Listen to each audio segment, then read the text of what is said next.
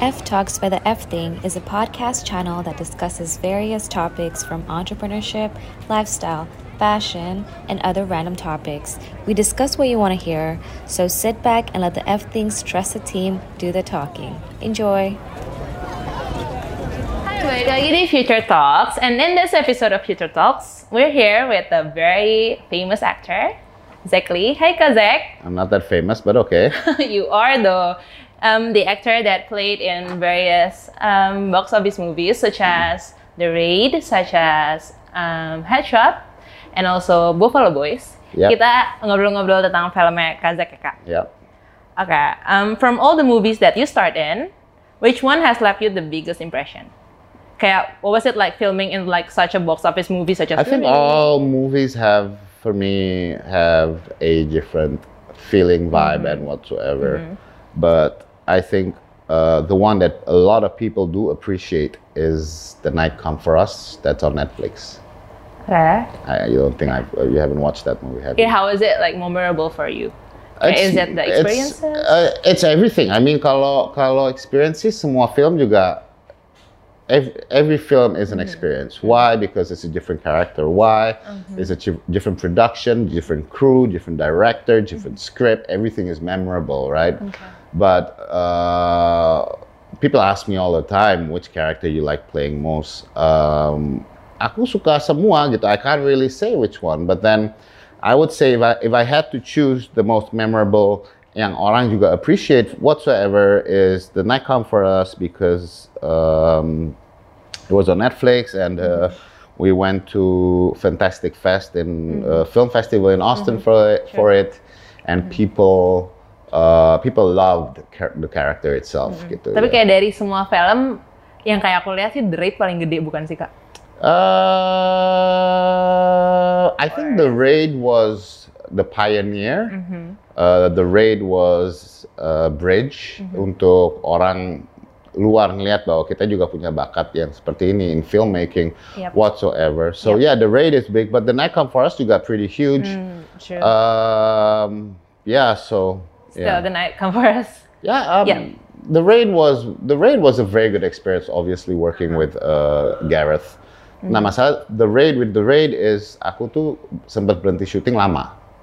You know, why? Uh, I did a lot of social work. Oh, You okay. know, I did a lot of social work, Uh-huh. and um, I was doing a lot of sinetron stuff, which Mm-hmm. was zaman dulu bagus, lumayan, karena once a week, you know. But then at one point, I I stopped shooting, and uh, the first film I did sejak itu shooting itu is the raid Oh, gitu, and so it was it was an an amazing experience with Gareth in the sense of uh, tiba-tiba kerja kerja di produksi yang besar, oke? Yang dulunya gue kalau dikasih makan nasi bok, ya kan, nasi bok cuma teh, eh, tap, tam, ta- eh, tahu, tempe, nasi sama lauk dikit. Sekarang tiba-tiba gue pertama kali syuting lihat prasmanan, I was like, shit, this is what we get. Like ada nasi merah, ada nasi putih, they they care for you, you know, prasmanan. Ah, it was really good food. I was like, oh okay, treatmentnya beda, you know. That's what makes it more memorable. That, yeah, I mean, if I if I can mention ya, I mean with the raid juga kita we did we did uh, a 10 day for one scene. It's the prison wow. fight yang bela- berantem di lumpur itu. Yeah, yeah. Itu 10 hari. That's one scene, right? 10 And days. 10 days. Wow. And uh, kita cuma bisa syuting pagi sampai sore karena matahari. Jadi kita ya seharian, bayangin aja 60 cowok main lumpur-lumpuran setiap hari. Yeah, kan? So it was quite interesting and uh, just seeing, you know, whatsoever. But but I mean, all movies, all movies I've done ada memorinya. I mean, I shot Buffalo Boys, I shot Grise, Yeah. Headshot in a film studio in Batam. Yes, they have a wow. film uh, owned by Mike Wiluan Infin- Infinite Studios. He owns a film studio in Batam. So kita yang dulu-dulu main sinetron gitu-gitu, gua ya yang zaman dulu masih seminggu sekali lah. I've never been to a film studio gitu. Tiba-tiba ke film studio, ke backlot, lihat sebu lihat dijadiin kotak gitu. Dia kayak green screen gitu ya kak? Enggak, enggak, Oh, enggak? green screen, kayak Oh. kotak kecil tapi buat syuting gitu, you know. Ah, iya, iya, yang iya, pertama iya. headshot itu dipakai uh, dari HBO Sarungun Road, jadi it's like old school Singapore. Jadi itu pun kita norak, gue sih norak banget. So cool. Dan kita mainnya kan asik gitu, jadi kostum apa gitu. Terus Buffalo Boy sama Grise kan diganti, jadi era cowboy. Jadi itu isi pasir semua, terus jadi kayak you're like in a bloody cowboy world, right? So it's like this is fun, right? Dan baru berasa jadi aktor. Just gitu. like you're like overseas. Iya, ba- baru berasa jadi aktor Hmm, gitu. True, true, true. Okay, great. Okay. All right, so uh, coming into characters, what made you say yes to the characters that you played in these movies? Kayak Bemi? Bemi apa Beni sih, Kak? The Raid, Di- Benny? Beni. Benny? Beni, itu katanya harus latihan bela diri kan, Kak? Oke. Nah, Ah. terus uh, kayak Tanu, itu kan pengedar narkoba. Tano ya, Iya, Tano kan dari headshot. Aha, Ah. terus kayak buat Kak Zack tuh ada nggak sih kayak syarat tertentu? Kayak gue maunya mau, gue boleh nih karakter yang ini gitu. Um, Kayak what made you cast for those characters? I think in a way buat kita as actors kita nggak punya luxury terlalu besar untuk memilih peran karena nggak banyak yang bikin film-film bagus. True. Jadi waktu aku tahu aku syuting dulu, aku tuh syuting action itu dari pertama kali aku main film sinetron FTV, habis itu langsung main sinetron action. Itu ada orang, his- dulu dia udah meninggal, dia producer director, dia itu eh, Pak Alip namanya, God bless his soul. Eh, dia itu dulunya stuntman Hong Kong. Dia orang Indonesia tapi Cina, tapi stuntman Hong Kong. Akhirnya dia yang bikin film zaman-zaman dulu. Mungkin kamu nggak tahu tuh zaman Debu, zaman Wow, tahun berapa tuh, Kak? ya, ya, tahun 90-an awal. Nah, dia dia dia yang mulai bikin tuh action sinetron tapi keren gitu. Lumayan lumayan lumayan lah. Mm-hmm. Nah, terus gue selalu bilang sama dia masih Alip si Pak Alip tuh. ehm, bikin film sih laku kagak laku orang pada bilang kagak laku bikin film action di Indonesia bikin horor ini even zaman dulu ya gue bilang kalau bikinnya keren pasti jadi yang asal orang mau nonton gitu. That was years way back. And then keluarlah merantau. Keluar merantau dia bikin apa ya nama filmnya? Merantau ya? Mer- merantau bukan I think so. Hah? Iya, think merantau so. kan, merantau kan, terus merantau gue bilang, wah gue udah semangat gitu, gue udah lama nggak syuting, gue semangat, gue lihat gila ini keren sih, ada beberapa kurangan, tapi eh, ini ini like wow oke mulai nih ada action nih, gue udah bilangnya dari zaman dulu Pak Alip suruh bikin kagak mau gue bilang gini, terus keluarlah The Raid, The Raid kan meledak, gue aja pas nonton The Raid gue bilang anjing Hmm. Really ini keren good, sih, gue yeah. dan semua orang tepuk tangan di bioskop, it's very good. eh gue langsung gila, ini sih keren. Gue udah bilang gue bikin action tuh dari zaman dulu. Gue udah bilang gini, gue kan dari zaman dulu gue ada main film action, cuman pengen main yang bener, yang bagus gitu. Dan akhirnya, eh so I go to gym di Grand Hyatt, Mm-hmm, right? Aku gym di Grand Hyatt, and uh, apparently the director uh, also goes to the gym in Grand Hyatt. Okay. So when I saw him, I was like, "Hey, I know who you are, si Garrett, right? Lu film lu keren, and I heard you're making the second one. Can I cast? Gue boleh casting nggak? Gue bilang gitu. Okay. Dia bilang, yeah, sure. Here's my producer number. Langsung kenal, langsung. Uh, they wanted me to cast and wanted me to go in. Uh, ya ada latihan bela diri, but I I already know I do bela diri, I do action, and uh, for film juga is different ya, nggak terlalu sama whatsoever. So yes kita latihan choreo segala macem gitu-gitu ya, and um, yeah. Okay. Uh, okay. Seeing like sekarang kan Gundala's achievement, Gundala achievementnya tuh sekarang udah soar high when it was released, not only in Indonesia but also overseas. As an actor, what's your wish towards the film industry in Indonesia right now? Kayak what's as an actor, what's what can you contribute to this?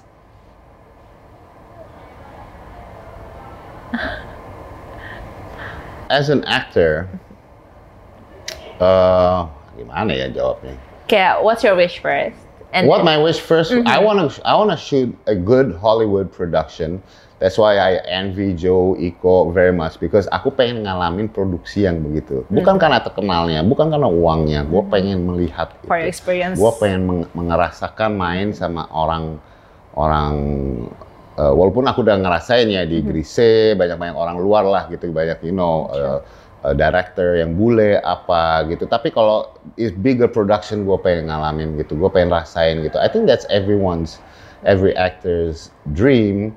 Um, but I also hope for the industry um, to grow in sense of production and uh, bahwa orang kita nonton film kita sendiri dulu deh gitu. Kita dari 250 juta penduduk dapat 6 juta, 2 juta, 3 juta aja udah seneng banget orang bikin film which is doesn't make sense for me. Ya kan? So I think there's a lot of politics.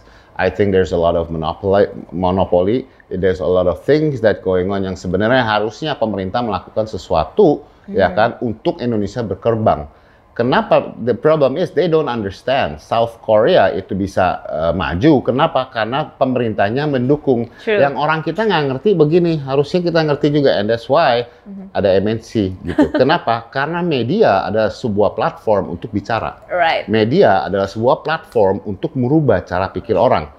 Kita bikin kita bisa bikin dunia rusuh chaos karena media. Beritain aja yang ngawur-ngawur, jadilah chaos ya kan. Right. Nah, kita sebagai anak-anak muda, kita sebagai pemain film dan kita mau ngapain? Kita mau gunakan media kesempatan ini buat apa? What are we trying to say? Kita mau merubah mindset orang, ya kan? Kita mau educate mereka, kita mau ngotbain apa nih? Kita mau ceramah apa nih? Nah, kita yang di dunia di dunia entertain, kita sebenarnya punya we have that platform. Nah, itu yang gua wish yang gua harapkan bahwa eh, pemerintah sadar, kita sadar, Indonesia sadar bahwa um, there's so much things we need to change. Sesimpel gue naik kereta, aduh, gue naik kereta itu kalau peak hour orang ngantri aja nggak bisa gitu. Itu value itu hal sesederhana itu, disiplin sesederhana itu. Bagaimana kita bisa ucapkan, bicarakan lewat media, lewat kartun, lewat film, lewat berita. You know, I go on Yeah. public transport all the time. I love it because I'm a Wow. very simple person. Wow. Aku grew up di jalan, aku grew up di Mangga Besar, belum ada Gojek, aku udah ngutangin tukang ojek, ya kan zaman dulu gue masih kecil suka naik bemo, naik bajai, and I'm used to that. Aku nggak bakal, I can't change that because I enjoy it. It's very simple. Eh, plus Jakarta naik mobil macet, jadi gue males gitu. True. Tadi juga dateng kan naik naik Gojek, itu jauh lebih mudah buat gue. Um, but you can see Kenapa bangsa kita nggak maju juga? Karena ya memang orang nggak cara pikirnya nggak nyampe gitu. Buang sampah aja sembarangan. Itu udah simple. Jadi kita ngomong no plastic, no plastic, apalah bullshit kalau kita masih buang sampah That's sembarangan, nggak yeah. mm, tong sampah di jalan juga kagak ada yang bener, berantakan, on you know what. So, so, so these things we can educate through media, through platform, through apa. Kemarin aku baru nonton film yang menurut aku, aku jarang sekali nonton film Indonesia, which is salah juga karena harusnya aku mendukung kan. True. Tetapi kalau film lu nggak bagus ya, ilah gue bosen kali ya gitu. Nah, eh, mungkin mungkin bioskop harus harus ada bioskop yang lebih banyak, jadi nggak dimonopoli sama satu bioskop satu itu, ya kan? Right. Sehingga kita dipaksa kita mau nonton mau nggak mau kita nonton film Indonesia karena film Hollywoodnya terbatas misalnya gitu. Tapi Right. kemarin gue nonton film Ernest Prakasa Imperfect and I really love the film. You know production wise oke ada kekurangan apa kekurangan acting itu biasa. Tetapi pesan dari yang dia pengen sampaikan ada beberapa hal yang gue nangis. You know and I was like dude and I I've talked to Ernest before on on um, Instagram mau janjian belum pernah kejan nggak pernah ketemu lah sampai sekarang. But I know his heart, I know dia punya nilai, dia punya value bahwa ada yang pengen gue sampaikan. There's a message gitu. Nah, so so for my hope um, in the future is that I know the industry is growing. I know dengan dengan lahirnya OTT digital platforms eh, kita se- semakin mudah buat kita bikin film. Eh, aku berharap um, yang Hollywood masuk. Aku berharap orang-orang abis lagi, apalagi abis South Korea menang Oscars, Parasite, right? very Parasite. great. Yeah. Itu mem- itu itu akan membuka pintu yang sangat lebar buat kita sebagai bangsa. Very true. Yang penting pemerintah kita dukung, ya kan? Jangan pikir film itu cuma entertainment. No, film itu propaganda. Yeah. Film itu digunakan zaman dulu untuk mindset orang, untuk merubah mindset orang, untuk membuat orang pikir cara seperti ini. We can use it for good. We can use it to change people's lives. And um, ya gua arah SDM juga lah biar Amerika masuk sini ajarin kita gimana bikin film atau gini gini gini Yeah, gini. that's a very good you know, idea, actually, whatsoever yeah. gitu. So yeah, and aku percaya akan sangat-sangat berkembang. Me as an actor, um, honestly buat aku, I think I want to direct in the future. I really Wow. mulai gatel banget because I've always wanted to direct. zaman gua sekolah tuh gue bandelnya nggak pernah sekolah ya. Aku kalau masuk ulangan umum, gua ulang umum. Ini ulang umum bro. gue ulangan umum matematika, gue cuma lihat yang apa sih ABCD, pilih ya kan. Ini mana mana, nah, nah, nah, asal. Asal. Gua matematika terakhir gue punya rapor, gue inget gue SMP 2, SMP 3. Uh, uh, dari dari 100 kan, 0 dari 100 nilainya 15. Gue nggak isi, gue cuma isi nama, udah semua gue keluar. Satu yang Iya. gu- orang ulangan umum semua udah keluar, gue masih sendiri. Itu bahasa Inggris. Ketika gue disuruh tulis cerita. Nah, cerita itu bilang tulislah cerita whatever cerita topik lo mau apa, 500 kata. Nah, gue tulis 2.500, 3.000. Jadi gue bisa bercerita karena tukang hayal. Jadi gue cerita macam-macam. Gitu. That was the only thing I was good at sama sama olah- olahraga. You know, one thing I could say for young people juga sih satu hal yang gue bisa belajar nyesel sih sekolah sih. Sekolah sih. Buat gue jalan semua orang ada jalannya, ada yang jalannya bener-bener. Gue ngalamin banyak hal, you know. Uh, but but but kalau gue bisa sekolah lagi sih, gue akan tetap fokus sekolah yang yang gue mau. Cuma ya dulu bingung juga. Bapak gue nanya, lu suka- sukanya apa ya? Gue nggak tahu. Gue masuk ke dunia entertain itu kejebur. Kalah taruhan. Really? Ya, I lost the bet. Gue main main biliar, gue umur 16, 17, gue main biliar. Gue pikir gue bakal menang nih, ya kan? Jadi gue nggak bawa duit, udah taruhan karena gue nggak punya duit. Gue gue pikir gue mau sikat duit dia nih. Main biliar, eh kalah, kalah 300 ribu atau 600 ribu. Zaman dulu lumayan lah ya, gila itu gede, Gede, lah ya gede kan. Gue bilang gue nggak punya duit bang, aduh gimana ya. Padahal gue mau gue gebukin dia juga bisa, udah gue cabut bodo amat. Cuman nggak ada hati kan. Nah temen gue bawa temen yang mau mulai eh, agency. Dia bilang, gua kasih lu duitnya, tapi lu jadi model gua. Oh, enggak, gua bilang, enggak, gua nggak mau jadi model gitu. Lagi, you know, foto aja males gitu. So I was never, aku gua nggak pernah terbiasa gitu dengan, you know, all that, yeah, whatever.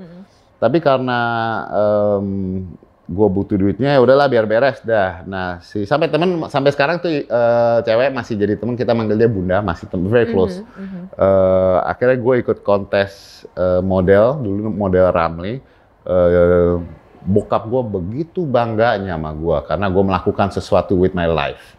Wow. Dia sewa itu di Sahid kalau nggak salah Sahid Jaya itu di, bisa booking table jadi dia booking 3-4 table pas di depan lapangan jalannya nenek gua teman baiknya teman baiknya teman baiknya semua diundang. Zack is doing something with his life For the first ya, time. ya kan? Selama ini nggak ngapain nggak jelas doing very naughty stuff kan? I can you know I sold drugs I did a lot of bad shit right? and um, akhirnya menang juara tiga juara favorit eh juara tiga ya udah juara tiga. And dari sana itu agency nggak pernah jalan teman aku yang mau buat agency dia nggak pernah jalanin lagi. Cuman dia ngenalin aku ke satu orang lagi dan akhirnya aku main FTV FTV pertama kali zaman dulu main sama Jeremy Thomas. Oh, zaman dulu. So that's how I yes, got yes, yes. that's how I got into the industry. And then gue pas mulai lihat oh dapet duit lumayan nih buat gue mabok ya nggak buat beli apa. Iya kan?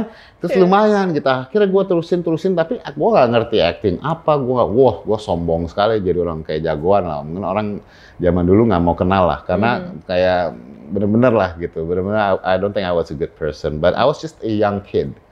Maybe I was you know a young kid growing up Mm-hmm. in Chinatown ya kan terus sok lah sok banget gitu. Emang kayak jag- kebanyakan nonton film preman zaman dulu nonton film apa film Cina tuh gitu gitu.